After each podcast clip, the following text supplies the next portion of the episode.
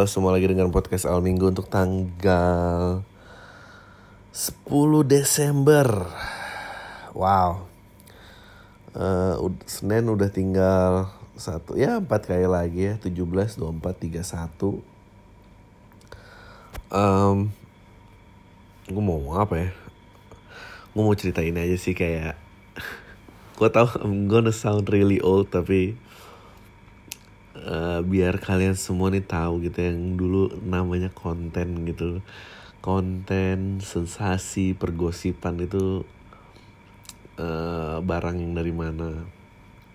Eh, jadi hari Sabtu kemarin gue dapet kesempatan buat menginterview one on one gitu eh, lawan dengan Arswendo untuk kepentingannya Visinema. Gue nggak tahu apakah gue apakah nanti gue bisa ambil full audionya dan taruh di podcast atau emang jadi kontennya Visinema. Tapi gue mau cerita aja pertemuan dengan beliau gitu. He's such an apa ya, such an icon gitu maksudnya icon living legend and seneng banget seneng banget dapat kesempatan berkenalan dengan dia gitu dia 70 tahun so so much wisdom aja gitu gue nggak tahu harus berkata apa. Ya, kita lagi ngomong lagi pengen nyari. Waktu sebelum interview gue lagi nyari common groundnya di mana ya gue ngobrol apa ya sama dia gitu. Gimana caranya masukin dan gue cerita lah pada saat um, gue tahun 2005 pertama kali gue kerja di advertising agency. Uh, anjing 2005 ya was that was 13 years ago gitu. Uh, um, gue bekerja dengan gue bekerja di Pantare gitu uh, agensi iklan. Abis ya di, di mana dia tuh uh, anak perusahaannya Matahari pada saat itu. Matahari uh, pemiliknya adalah namanya uh, Ken Sudarto. Pada saat itu beliau udah sakit-sakitan Nah, kan Sudarto boleh dibilang bapak perikanan Indonesia. Gue inget banget kalau masuk kantor ada slogannya uh, no one understood Indonesia better other than Indonesians. Dia sangat lokal gitu ya. Maksudnya kalau kalian mau familiar dengan mereka banyak banget dengan Konimax gitu uh, teh botol sostro uh, terus juga dengan Hexos. Um, yang dari Matahari tuh karya-karyanya pada zaman gue ya itu yang apa pun makanannya minumnya teh botol sostro nah itu. Dan itu kan melebar ke mana-mana gitu sampai ada um, memes belum ada memes gitu. Meme uh, meme kayak Sumanto aja makan makan apa aja minum teh botol sostro gitu sih sampai kayak gitu. Makan teman minum teh botol sostro makan hati minum teh botol sostro. And then yang Hexos tuh lo ingat gak sih iklannya yang uh, dia cerita tentang dia cerita tentang ada cewek cowok pacaran. Eh suami istri suami istri. Eh, sayang nanti anak kita kalau gede jadi apa gitu. Terus si ceweknya bilang kayaknya bukan suami istri mungkin pacaran lagi ngayal-ngayal babu gitu lah. Eh, terus ceweknya tuh lagi bengong mau pesan makan ngeliatnya kasir. Terus dia bilang kasir? Hah? Katanya hah? Nggak ada yang lebih tinggi kasir. Terus cowoknya uh, hilang suara saat momen penting minum uh, makan hexos bla bla bla bla. Anjing bagus banget.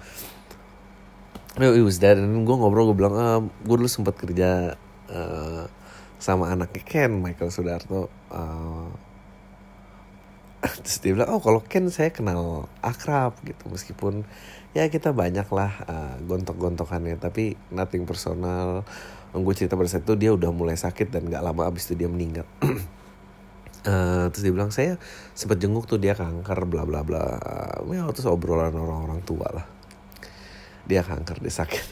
Terus dia cerita bahwa Ken Sudarto itu dulu eh, orang yang menolak eh, konsep saya. Oh by the way dia tuh terobosan salah satu terobosan. Kayak Ken Sudarto tuh pada zamannya eh, he, he's a bloody genius. Dia yang dia yang pertama kalinya membuat mungkin sekarang invest innovationnya udah ya biasa aja tapi pada zaman itu mereka bikin uh, gedung etalase kaca bisa menjadi billboard acting like dibikin kaca film terus jadi visual gitu billboard dan lihat jalanan. Dan itu tuh kayak zamannya tuh oke okay banget karena pada saat itu infrastruktur belum banyak billboard maksudnya kayak gitu-gitu jalanan juga mungkin nggak sebanyak sekarang mobil juga cuma gitu tapi gedung kantor bisa dimanfaatin.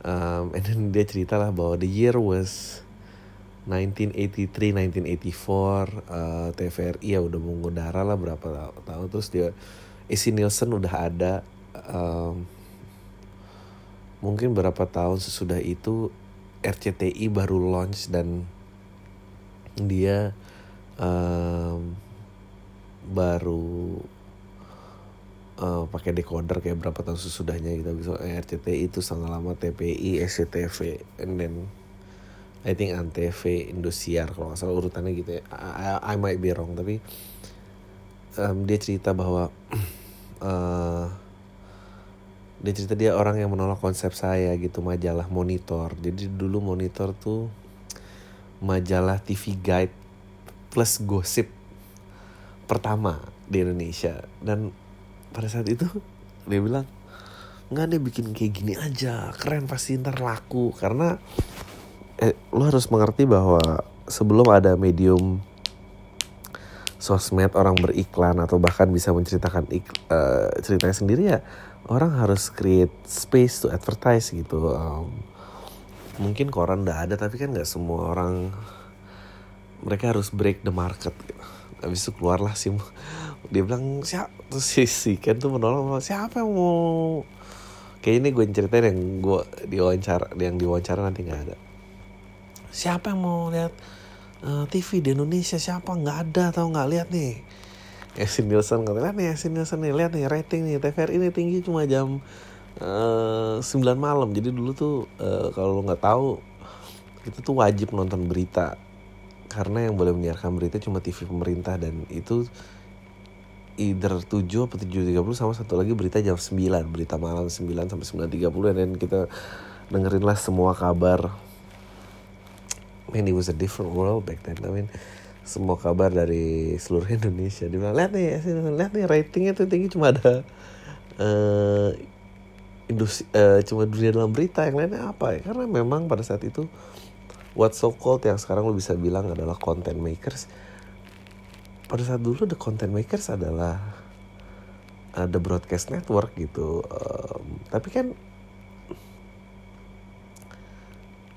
mereka belum punya capability studio atau apa um, bahkan syuting kan masih dengan film gitu. Um, beta mungkin baru mulai masuk ya beta max gitu. Uh, dan itu kan masih analog gitu gue nggak tahu berapa kali bisa apakah tape beta bisa ditindih I think.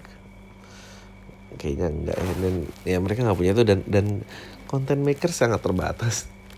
Acara mungkin juga jelek-jelek gitu nggak ada yang nggak ada yang gimana gimana terus dia bilang e, dan pada itu ada unyil ya. Mungkin orang juga unyil berapa tahun ya orang udah nggak nonton unyil. I remember dulu juga ada wayang I guess uh, and then uh, banyak banget panggung-panggung live gitu seperti ya bukan stream ya mungkin ya Ria Jenaka salah satunya. Um, Arswendo bilang ya enggak lah pasti ada itu pengisi suara unyil ada 60 orang.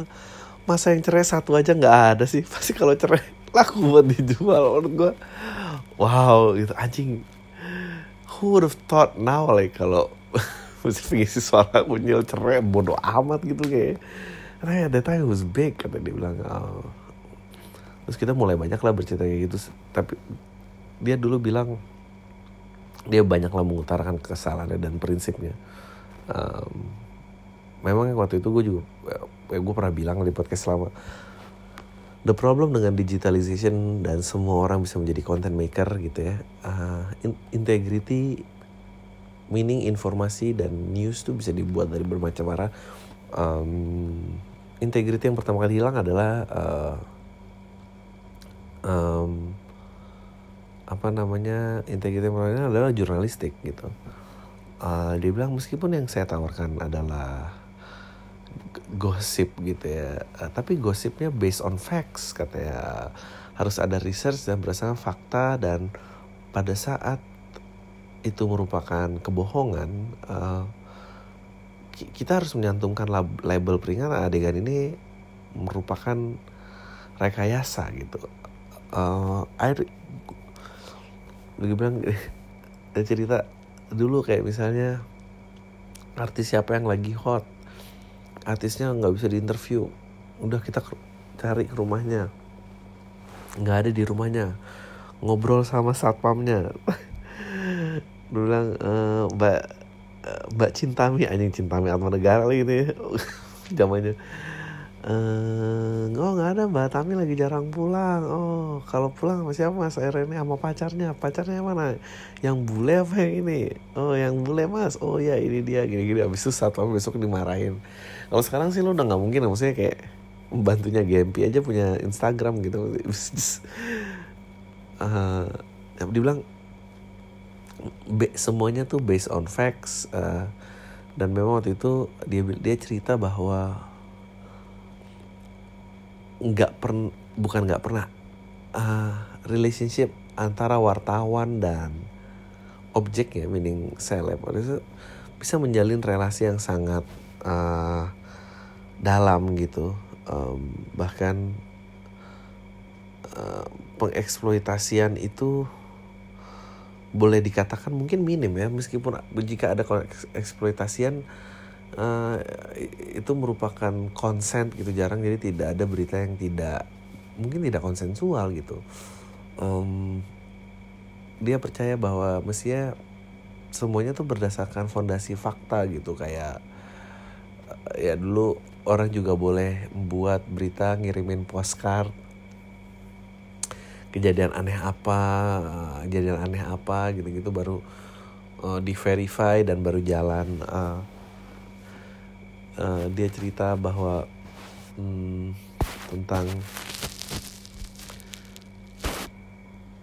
uh, ya dia sedih kayak misalnya uh, uya kuya gitu. Ya adegannya rekayasa tidak boleh gitu. Gue inget tahun gue tahun 2007 aja bikin iklan gue inget banget bikin iklan sebuah tape. Tape apa sih di player? Lupa gue suaranya lembut banget sampai uh, bayi aja tuh tertidur gitu. Nah bayinya tuh kita bikin melayang dan dialunkan digoyang berdasarkan alunan lagu gitu dan dia tertidur dan uh, pada saat itu klien aja kayak eh ini uh, tolong dong kasih warning ya um, adegan ini hanya rekayasa bla bla bla dan pada saat itu kan 2007 eh 2006 mungkin ya 2006 2007 ya masyarakatnya udah sophisticated. Gue tuh itu ketawa banget gitu um, uh, anjing ngapain orang bikin kayak gitu? Mesti kan udah tahu gitu. Tapi kalau kalau dulu nggak boleh gitu. Dan tapi sebetulnya bukan masa peringatan dia bilang it was always based on truth. Kita nggak pernah ada niatan untuk harming orang. Bahkan uh, banyak banget uh, newcomer newcomer yang uh, dititipkan terhadap wartawan ya istilahnya gitu untuk diberitakan dan dan menjadi sesuatu gitu. Uh, jadi nggak ada tuh settingan-settingan siapa pacaran sama siapa dan apa itu nggak nggak ada gitu. Uh, aneh banget. Um,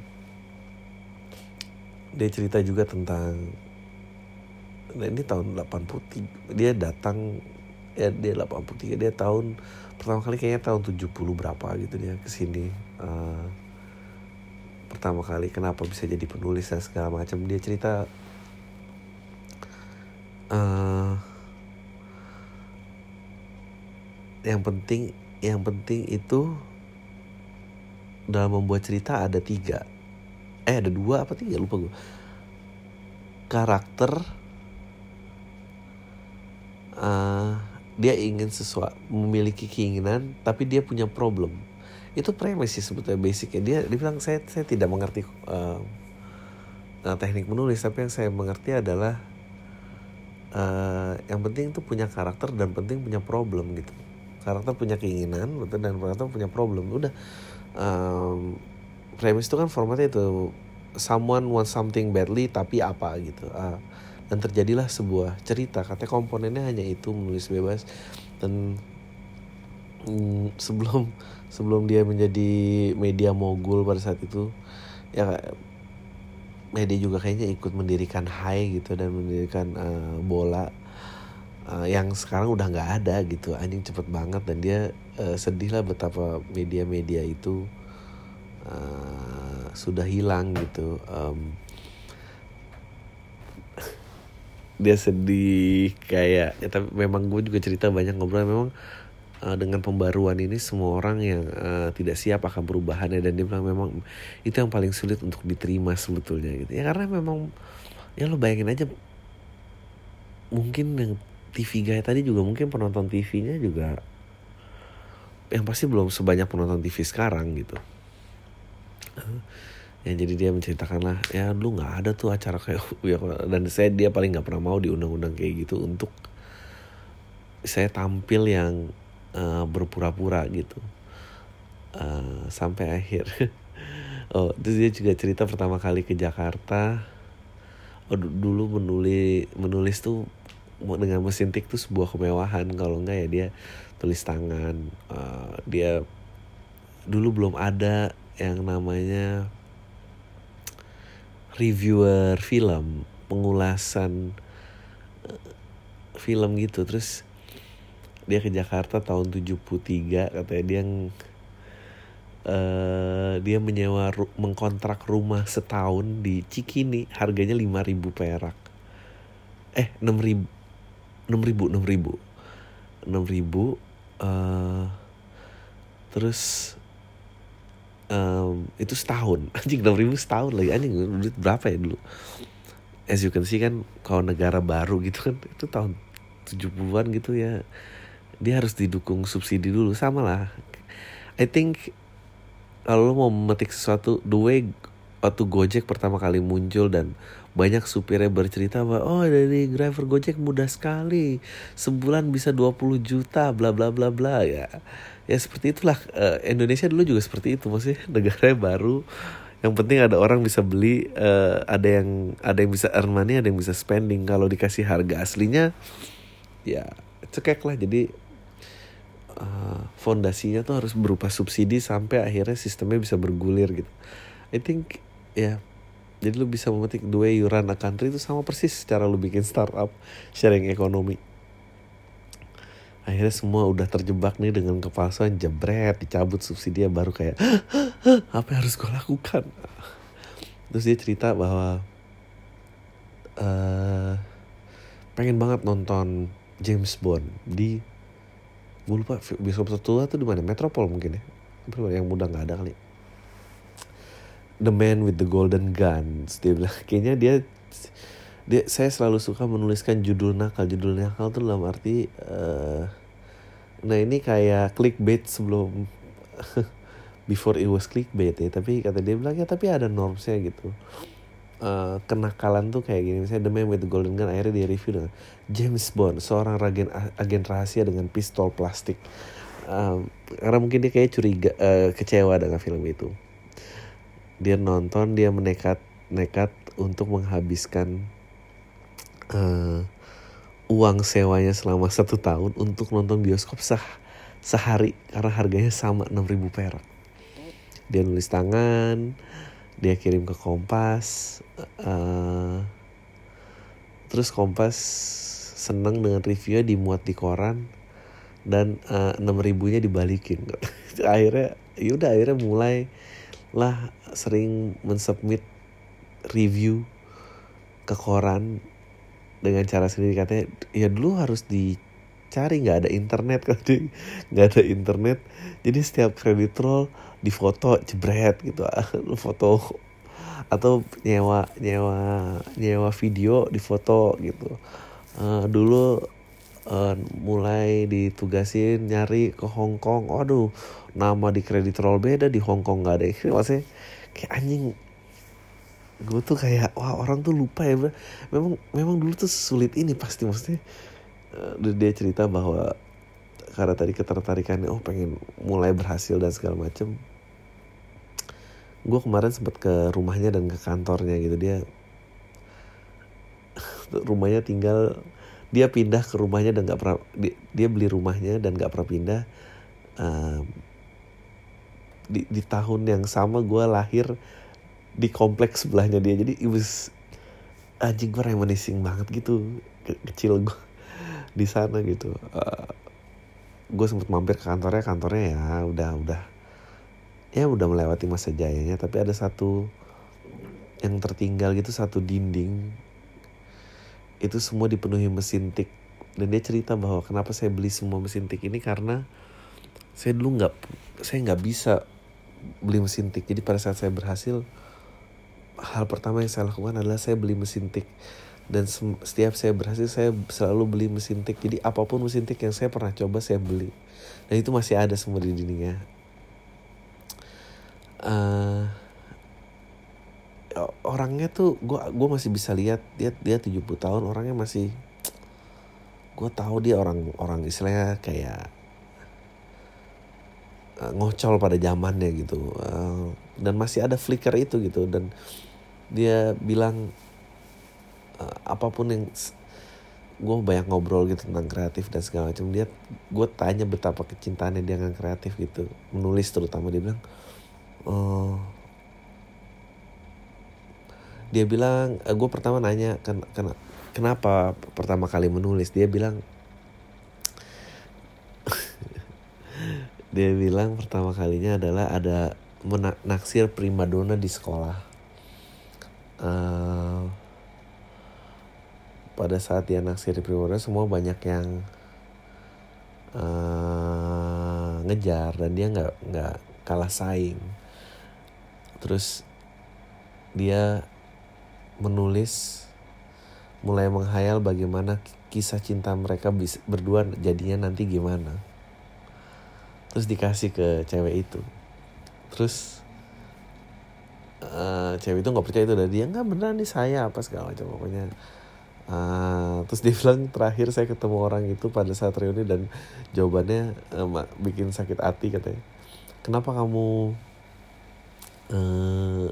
nggak uh, anjing ceritanya manis banget gitu. Kenapa kamu nggak mau uh, sama saya waktu itu? Ya, saya nggak pernah tahu kamu tuh suka sama saya lagi malas sih udah dibikin ini nggak maksudnya. Cerita terus terus dari situ apa yang membuat tiba-tiba lu memutuskan jadi penulis dia bilang.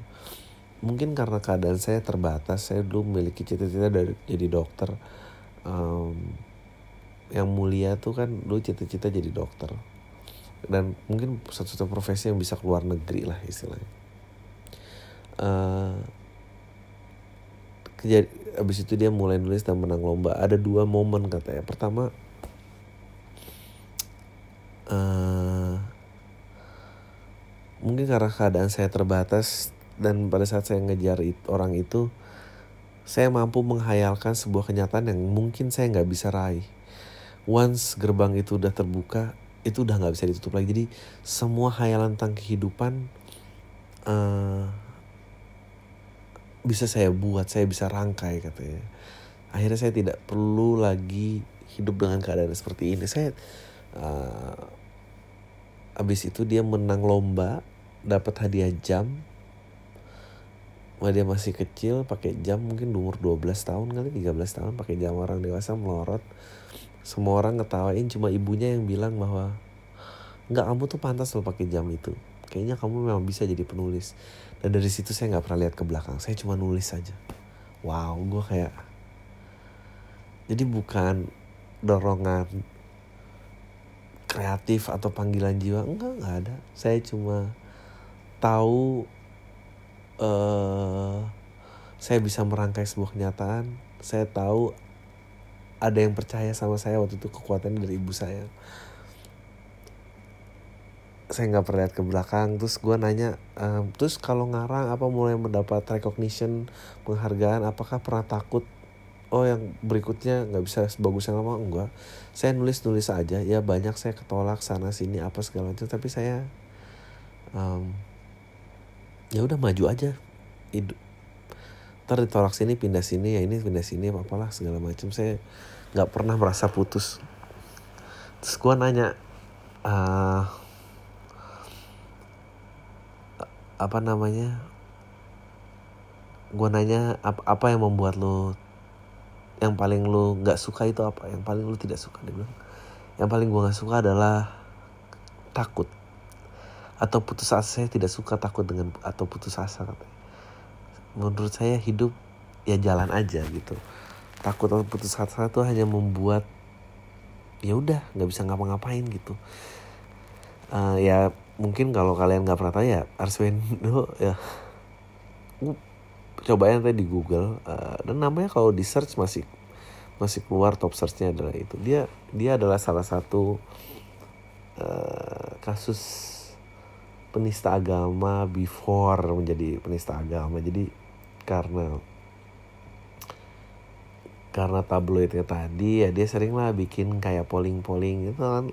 Sama tuh kayak tujuh paling asik yang hal yang paling asik dilakukan apa ya dia udah digosip-gosip itu format lama gitu. Uh, pecel apa yang ini apalah segala macam sampai akhirnya ada format tokoh paling berpengaruh di Indonesia Habis itu survei macam-macam macam-macam macam-macam. Dia bilang, ya dulu nggak ada yang dimanipulasi ya kita kirim buka begitu ya kita terima postcard kita hitung ya kita publish saya pun juga tidak tahu uh, ke, gimana itu bisa ya nggak nggak ada yang saya manipulasi gitu. Uh, akhirnya diterbitkan um, kepopuleran beliau pada saat itu berdasarkan polling ya. Uh, dia lebih populer daripada uh, Nabi Muhammad. Nah habis itu mungkin kemarahan pertama lah. Uh, beliau akhirnya service sentence di lima tahun uh, hilang lah semua fame and fortune. Uh, di, di situ saya sempat merasa putus asa saya nggak bisa ini ini. Beliau juga tetap masih nulis buku di sana. Judulnya menghitung hari. Uh, terus gue nanya apakah pernah di penjara pun putus asa. Um, ya pada saat kejadiannya aja tapi uh, kalau tetap berkarya sih berkarya saya tidak pernah berhenti untuk uh, kalau menulis saya tidak pernah berhenti. Dia saking cinta yang menulis deh oh ya dia sampai bilang bahwa ya kalau saya Tuhan kalau saya sudah cukup menulis tolong tarik kenikmatan ini pelan-pelan. Kalau menadak saya mungkin nanti nggak terima. Anjing gue kayak malu ya langsung ya. Orangnya udah banyak makan asam garam banget gitu. Uh, ya udah dia cerita uh, bahkan di saat itu pun gue nggak putus. Saya yang marah dan segala macam tapi gue lihat siapa teman-teman gue sebenarnya gue lihat siapa keluarga gue uh, sebenarnya dan akhirnya semua yang stay itu itu yang baru gue sebut keluarga. Uh, dia tapi nulis jangan terus katanya waktu anak pertama saya lahir ya udah dia bisa duduk di depan sama saya depan mesin tik dan dia pencet-pencet ya biar aja pencetnya saya, saya hapus lagi saya edit lagi saya tulis lagi. Uh, yang paling berat justru kata dia momen yang paling berat juga pada saat dia lepas tidak ada orang yang mau menerima dia gitu. Uh, semua memecat persatuan pers memecat siapa memecat semua pecat lah kecuali mungkin ada beberapa kali yang nggak memecat. Akhirnya dia mulailah bikin pseudonym ngarang konsep TV atau um, artikel. Dan dia udah nggak punya dia bilang nggak punya kemampuan main saya bisa cuma menulis gitu. Mulai ada recognition lagi. Maksudnya tapi pseudonym itu nggak kayak sekarang gitu. Dulu pseudonymnya berdasarkan security gitu. Ya gue nggak tahu sih konklusi apa yang bisa gue kasih dari obrolan ini. Tapi obrolannya 45 menit sungguh menyenangkan. Uh, eh, gue sendiri pun perasaan saya saya nggak suka tuh cuma satu keputusasaan. Sisanya tuh semua bisa dilewatin. Gue nanya uh, jadi kesimpulan apa apa yang bisa ditarik dari semua ini? Bilang bahwa satu hal satu hari itu cukup nggak harus semuanya hari ini. Aduh gue kayak ya ampun bijaksana sekali. Uh, terus dia cerita uh, ya gue suka sih maksudnya gue nggak tahu gue gue gue harus ketemu banyak orang lain sih. Yang jelas uh, sungguh menyenangkan lihat orang yang fearless gitu tumbuh dari uh, Solo pindah menaklukkan ibu kota. Uh, dia juga cerita bahwa blessingnya dia tuh justru kekurangannya dia bahwa kemiskinannya dia apa segala macam. Dia cuma maju terus gitu. Uh, so ya. Yeah. semoga menjadi sesuatu nggak tahu nih udah gua let's go with the questions halo selamat sebagai TMW gue mau bilang kalau gue pendengar setia lo saat masih beberapa biji doang di kawan cloud. Oke okay lah bla bla bla. Uh, kesel gue kenapa ngaku sebagai kolam tai kenapa harus tai gitu loh. Padahal nggak semua cewek tuh it, lo itu all shit. Tapi gue ingat pesan Mbak Nun kalau jadi manusia jadilah manusia. Ruang gue suka di SoundCloud karena bisa sekalian baca-baca komentarnya. Tapi karena gue sekarang lagi nyaman di Spotify jadi ah pasti ah Oke, gue mahasiswa psikologi tingkat legend. Gue ngerasa satu karakter sama Raditya Dika yang sebenarnya baik, tapi nggak nyaman di keramaian dan jadi terkesan sombong. Gue gak kenal Raditya dan antisosial. Cewek gue udah berapa tahun kerja sedangkan gue masih ribet sama skripsi gue hampir nggak pernah ngejomblo tapi seperti kata gue di awal gue nggak suka menyendiri dan sendiri selama gue pacaran hampir semuanya LDR dan umur pacaran gue selalu dari satu tahun ya iyalah satu tahun orang nggak pernah ketemu mana ada konfliknya. Daripada secara konvensional lainnya saat sempat ngejomblo berapa saat dan coba mau cari cewek yang dekat aja biar kayak orang ngajak ke kosan. Tapi fuck lah sebelum jadian gue udah gak nyaman apalagi udah dituntut ke nemenin ke bioskop bla bla bla. Sekarang gue lagi pacaran udah hampir tiga tahun uh, dan ketemu cuma berapa kali gue yang ke sana atau kebetulan dia lagi kerja ke kota gue kangen banget sih tapi gue udah terlatih untuk gue dan gue bahagia. Menurut lo gimana normal gak sih? Menurut gue sih ya uh, ya semua juga bisa ya kalau jarang mah. Yang susah tuh kan kalau intens. Uh, atau gue yang nggak berhasil berobat di jalan psikologi. Nggak tahu lo yang mahasiswa psikologi coba lah emang tukang pijat tuh nggak bisa mijitin diri sendiri ya sama kayak orang psikolog ya Tuhan sengaja gue biar nggak pacaran yang kayak udah potensi dosa lebih gede. Daripada cuma kirim cuman via telepon. Gue sadar gue juga pengen banget nikah dan di situ semuanya bakal berubah. Dan nggak mungkin juga habis nikah LDRan mubazir banget dong. Gue udah disunat diukir khas di para ah iya. Coba aja dulu lah. Yang intens gitu baru mikirin kawin Bang, apa konservatif sekarang kuat efek dari WhatsApp dan grup WA? Apa WA perlu berbayar biar nggak terlalu kuat konservatif? Ya bener sih, karena memang kemarin ya reuni 212 aja bisa diakses secara live stream gila gak sih? Dan linknya disebarin di lewat-lewat grup-grup WhatsApp gitu gokil sih menurut gue luar biasa gue bakal cerita nyoba cerita ke lo tentang hubungan gue sama pacar gue mungkin agak panjang juga hubungan gue udah hampir 2 tahun. Dan setahun ke belakang gue susah naruh kepercayaan karena pacar gue karena gue pernah diselingkuhin. Uniknya cewek yang selingkuhin gue meskipun gue kadang cheating tapi eh, nggak sampai bikin relationship yang jelas kayak dia dengan selingkuhannya dan gue nggak pernah ketahuan sebelum gue jujur oleh kita pacaran dan berjalan fine selama dua bulan. Di bulan ketiga dia mulai kerja keluar kota dan mulai agak aneh sama tingkah yang dia sering ngeles saat weekend. Gue mulai cari tahu lewat temennya dan menurut gue temennya ngumpetin juga.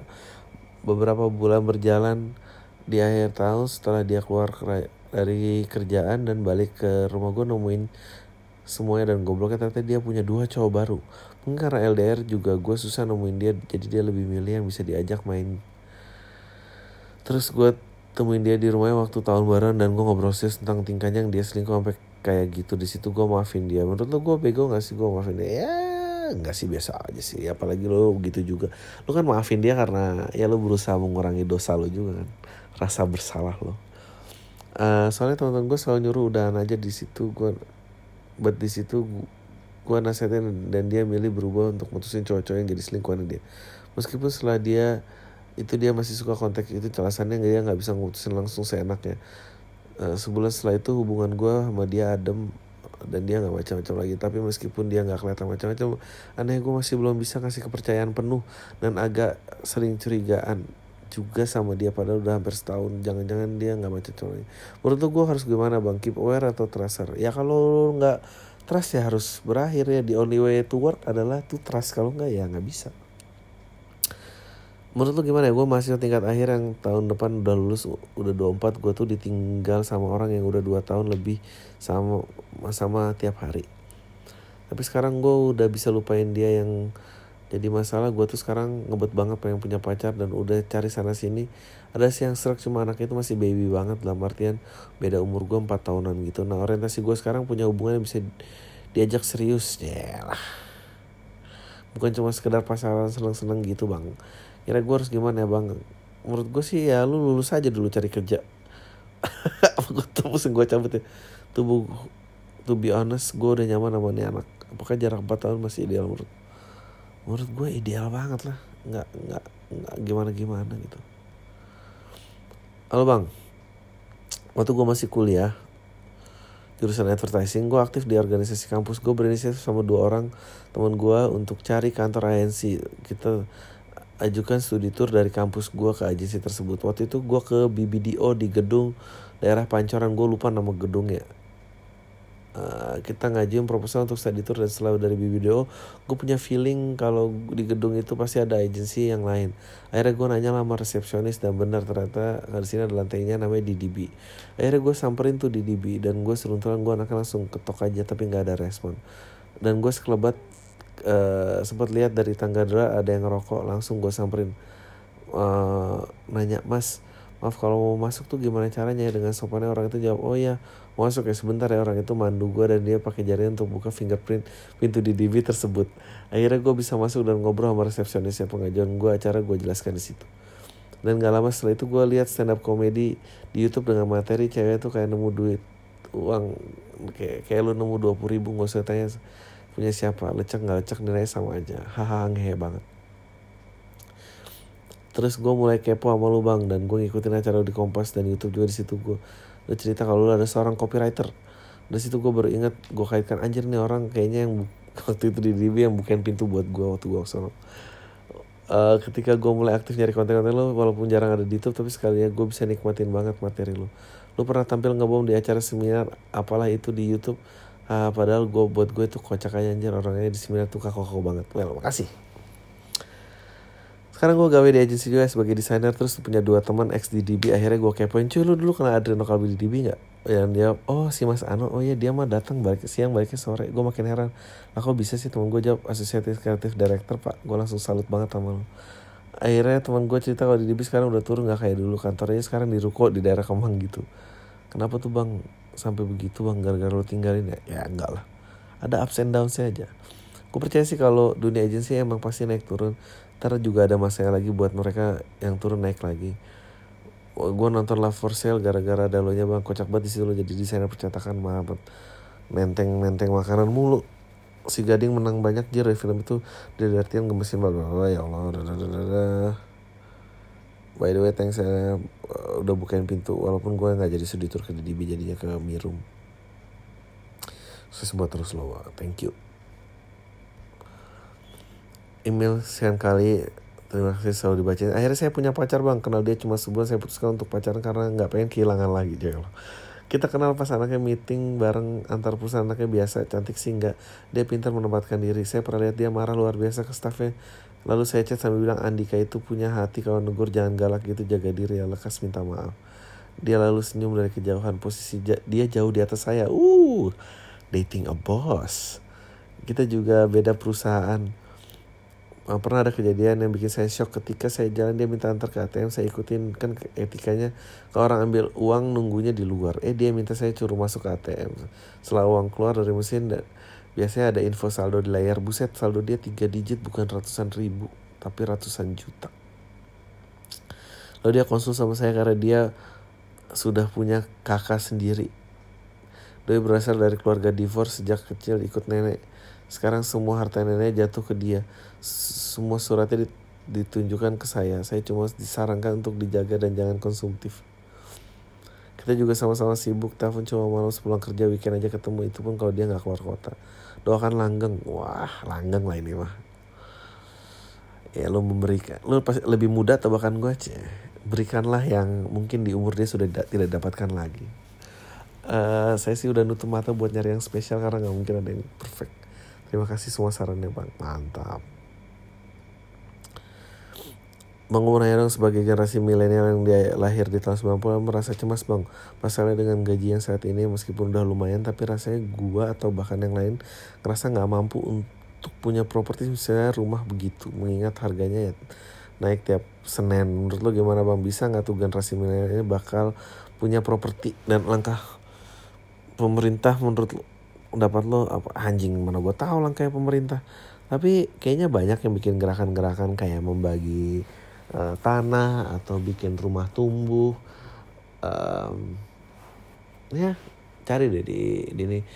Banyak kok milenial bisa punya rumah kerja rumah di Jakarta gitu gitulah um, ya menurut gue lah emang harus jadi punya usaha sih. Susah kalau kalau jadi karyawan tuh memang berat kayaknya udah lama gak kirim email mudah-mudahan kali ini kebaca. Sebenarnya nggak tahu mau gimana apa abisnya gue bosan di kantor. Ah uh, gabut. Sebenarnya bang gue mau cari side job tapi belum bisa atur waktunya di sini. Sih cukup buat bayar kuliah aja gue udah bersyukur. Sebenarnya gue bisa minta lagi buat jajan sama ortu tapi sekarang gue anak terakhir perempuan pula tapi malu ya rasanya. Jangan dong yang udah mandiri jangan minta orang tua lah. By the way bang gue dulu gak pernah kirim email ke sini soalnya baru soal baru lulus sekolah mau lanjut kuliah atau enggak. Dan ada orang tainya lainnya ngasih saran ke gue masalah ini. Gue mulai ngerasa sedikit menata kehidupannya meskipun dia kolam tahu dari kelas atas. Tapi setidaknya sarannya berguna cie. Pacaran ya habis deh banyak yang pacaran ini gila nih. Uh, singkatnya gue pilih kerja dulu baru ternyata enak juga ya bang. Jadi lebih tahu jenjangnya ke mana gitu kalau kerja dulu dan merasa nggak sia-sia dan gak bingung lagi kalau udah pas lulus ngapain. Ya benar lah. Uh, kemarin nanya umur 20 harus ngapain? Oh ya mas. Kasih mau kasih tahu kemarin yang nanya umur 20 ngapain aja. Banyak lah yang bisa dilakuin bukan yang mau ngajarin. Nah umur gue nih 20-an masih tahun depan. Tapi masa iya nggak punya pilihan atau jalan hidup? Kasihan aja gitu bang. Gue pengen dengernya kemarin. Mungkin dia lagi bingung kali ya mau ngapain gue aja pas lulus sekolah juga gitu. Ini kayaknya saking ini gue kenal apa makanya bisa dibilang kayak gini tai. Bagus bagus bagus. Cerita sedikit gue anak kuliah udah semester 5 gue ngerasa kuliah gue flat banget gue nggak ikut organisasi mana pun. Gue juga eh gue ikutin. Uh, tapi gue juga bukan anak yang organisasi sih. Uh, di kampus gue sama kakak di kampus gue juga ada sedikit punya kenalan sama kakak tingkat dan adik tingkat dulu pas masuk kuliah gue pernah daftar ikut himpunan parodi tapi ditolak dengan alasan gak jelas Padahal pas diwawancara gue yakin banget bakal diterima orang yang wawancaranya juga ngeyakin gitu gue bakal diterima. Semenjak itu gue jadi males ikut acara-acara kampus dan lebih milih kuliah nugas pulang nongkrong. Menurut lo gue salah gak sih bang? Terus saran dari lo gue mending gimana lah? Ya kalau masih mau berminat ya harus dicari gimana caranya bisa menjadi klub parodi sih kalau enggak ya ngapain Uh, gue suka banget podcast ini sejak pertama lihat lu perform di open mic Jaksel berapa tahun lalu. Zaman lu masih baru jatuh hati bla bla bla bla. Oke. Okay so sorry penampilan gue nggak bisa nonton langsung akhirnya gue karena kerja di satu airlines dan kudu pindah keluar Indonesia.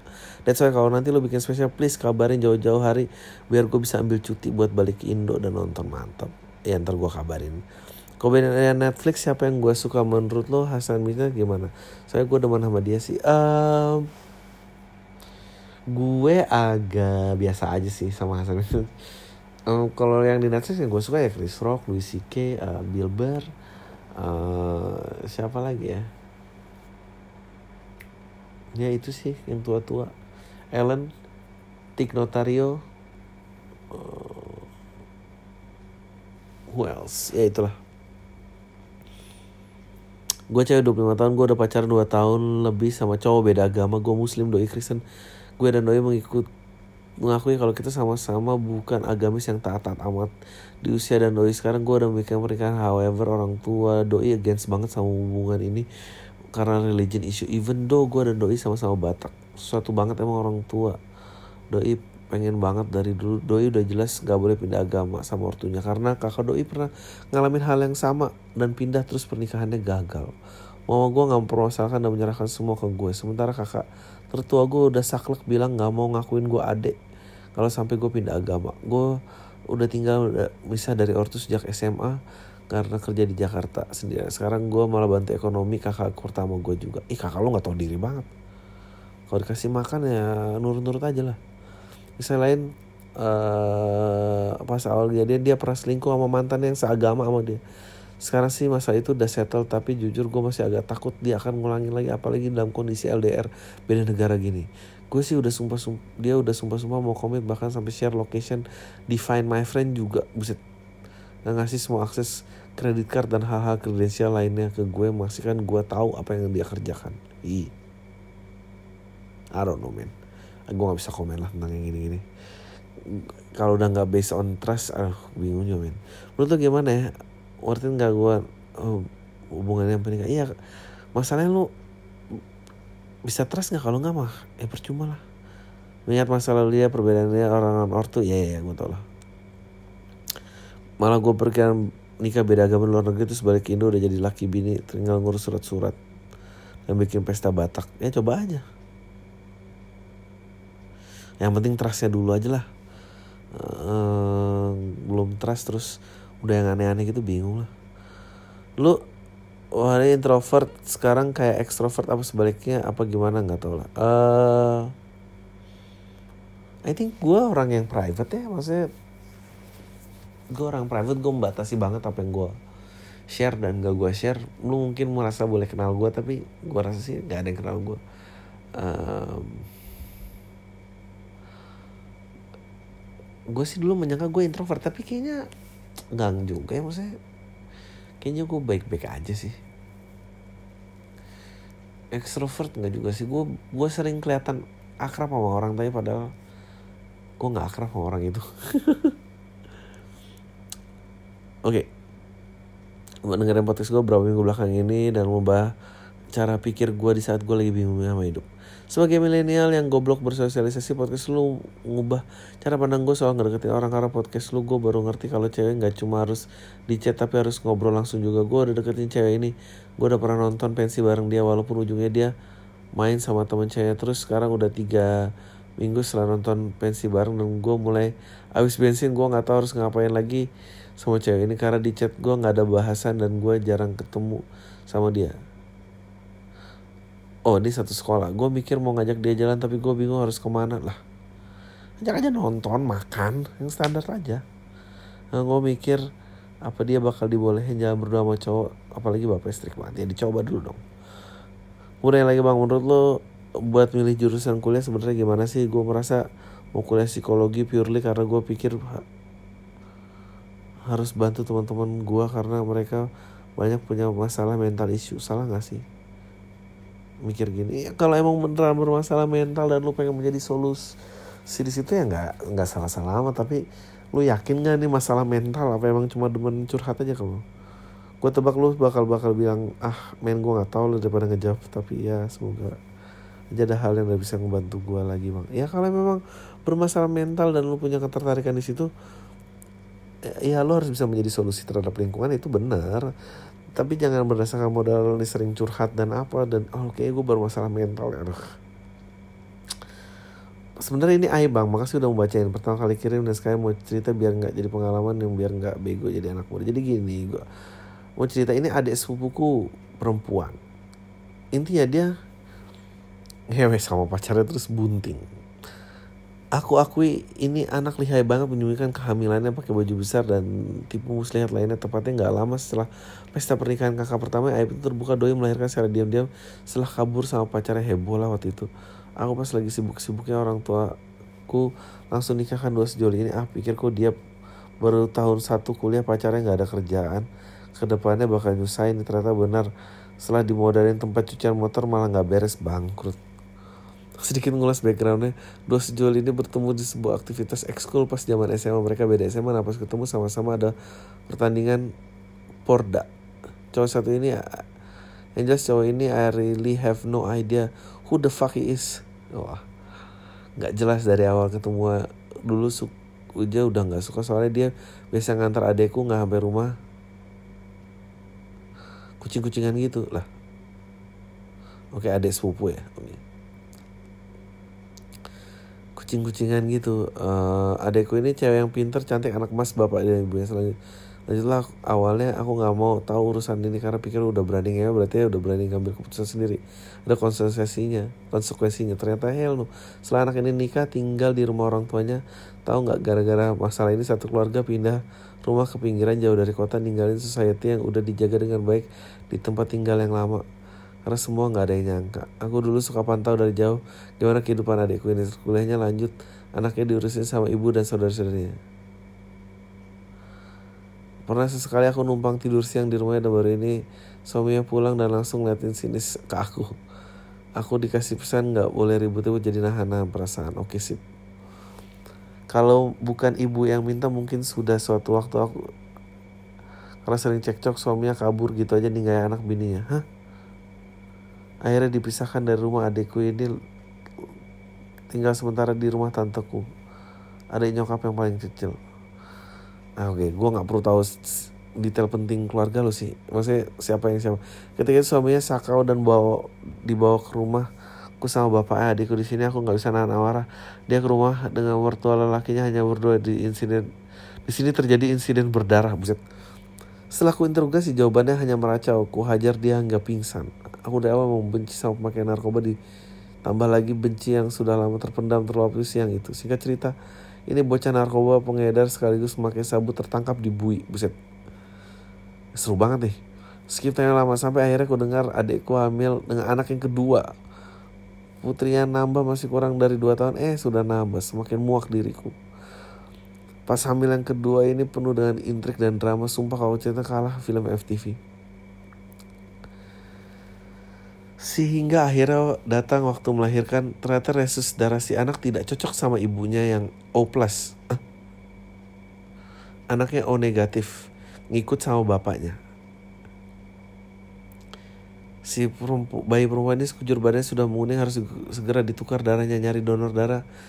Jadi sing ini singkat jadi singkatnya gini dikuras semua darah lalu ditransfusi darah baru.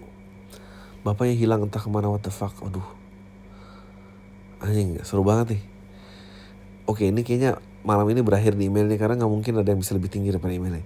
Setelah keadaan kondusif muncullah ia dengan tampang tak berdosa. Aku langsung spontan mau pukul ditahan sama ibu. Sudah terus berlanjut terus berlanjut sampai ibu meninggal gara-gara pembuluh darahnya pecah. Ternyata selama mereka tinggal sana ibu sering diancam secara verbal mau bawa anak dan cucunya. Ibu lah mau bunuh semuanya selama ini ibu diam sialan. Setelah ibu meninggal akhirnya pindah ke rumah lagi ke tempat yang baru. Nah di sini suami mulai berkuasa lagi hingga cekcok terjadi antar saudari. Si istri bela suami yang salah mati-matian si suami malah berusaha matiin si istri. Dia di penjara gara-gara narkoba. Terus entah gimana caranya lepas insaf langsung sok jadi ustad. Uh, edan. Ini ngarang apa bener sih? Selama termin ini aku nggak tahu karena nggak ngikutin. Ditambah lagi aku sering berpikir perugian keluar daerah jarang balik. Ternyata sepakatlah mereka suami istri anak beranak pindah ngekos mulai hidup baru. Di sini mulai lagi dipukuli diinjak-injak ditampar di depan anak-anaknya babi. Aku nggak dapat laporan. Usut punya usut baru baru ke tahun belakang. Nah ketika aku free dan lagi ada di rumah sekeluarga ini mampir ke rumah silaturahmi. Bertanya speak speaknya dramanya mulai ngalahin pemain teater profesional mulai dari anaknya istrinya sampai dia di sini istrinya hamil lagi FYI setelah melahirkan anak kedua sudah diwanti-wanti dokter kalau hamil lagi kemungkinan berbahaya untuk nyawanya dan janin kemungkinan hidupnya cuma 30%. Alih-alih minta pinjaman uang buat modal aku tes sana sini. Aku modalin buat bikin Pertamini. Perkawanganku tentu berkali uang jajan makanan ternyata. Keluarga ini balik kanan setelah keluarga ini balik kanan. Oke. Okay. Sore menjelang maghrib kembali ke rumahku tanpa si suami aku ingat waktu itu menjelang puasa tiga hari sebelum menjelang puasa tiga hari sebelum puasa. Di situ aku bertanya kenapa balik lagi. Dia bilang mau ketemu nyokapku mau ngomong ya udah aku izinkan. Ternyata mereka belum makan dari pagi dan bekal yang kukasih belum diapa-apain. Uang modal diambil semua sama suami terus suaminya kabur. Di sini aku marah dong. Aku marah kenapa dia nggak dari awal dia nggak jujur tiga hari aku pancing-pancing bicara complicated. Semua bapaknya adikku datang maka terbuka semua tabir. Suaminya nuduh istrinya zina sama bapaknya sendiri. Hah? Gila apa? Sehina itu kan di mata suami. Suami nelfon aku pakai nomor yang gak aku kenal. Bercerita dan berdamai sesuai dengan imajinasinya. Ternyata enak ini makin narkoba lagi dan itu duit dibelikan narkoba istri dan anaknya disiksa. Di titik ini aku murka. Aduh, ya sedih banget nih. Sebulan jelang kejadian suami datang ke rumahku. Jelasin segala di sini tanpa komando barengku bergerak sini mukulin dia. Kali ini sampai dia muntah darah. Aku gak peduli walaupun lagi puasa dia dibopong sama saudara-saudara. Hah? Ku teriakin depan mereka. Datang lagi jangan pernah berharap bisa napas. Untuk korban adikku saat ku ajak cerita dia hanya menjawab dengan bertele-tele karena beban psikologis yang diderita selama ini. Untuk korban penakan penakan putri-putrinya adikku. Ku ajak cerita mereka bisa menceritakan dengan gamblang dan jelas walau dengan bumbu-bumbu. Alternatif versi korban adikku aku suruh nulis kronologisnya dengan tiga double folio bolak-balik bayangkan aku baca hancur hatiku sebagai seorang abang ada solusi yang aku tawarkan karena anak dalam kandungan itu cepat atau lambat akan lahir Not suaminya ketangkap narkoba sebagai pemakai dan serta pengedar dan bandarnya merupakan keluarga suaminya. Suami bisa dapat keringan karena KTP-nya di bawah umur, jadi direhab padahal udah nikah. Aku nggak tahu sama sama sekali suaminya ketangkep, Hah? Suaminya di bawah umur, kawin umur berapa sih? Anak ketiga. Suami ketangkap orang kalau tahu bisa langsung diselesaikan saja di L di LP suami ini main dukun adikku juga kena ponakanku kena adik bapaknya adikku juga kena jadi nur aja. Banyak time skip dan drama-drama yang sulit ku ceritakan begitulah bang. Makasih udah dibacain. Semoga buat pelajaran jadi mendengarin Jesus Christ. Berapa umur berapa sih?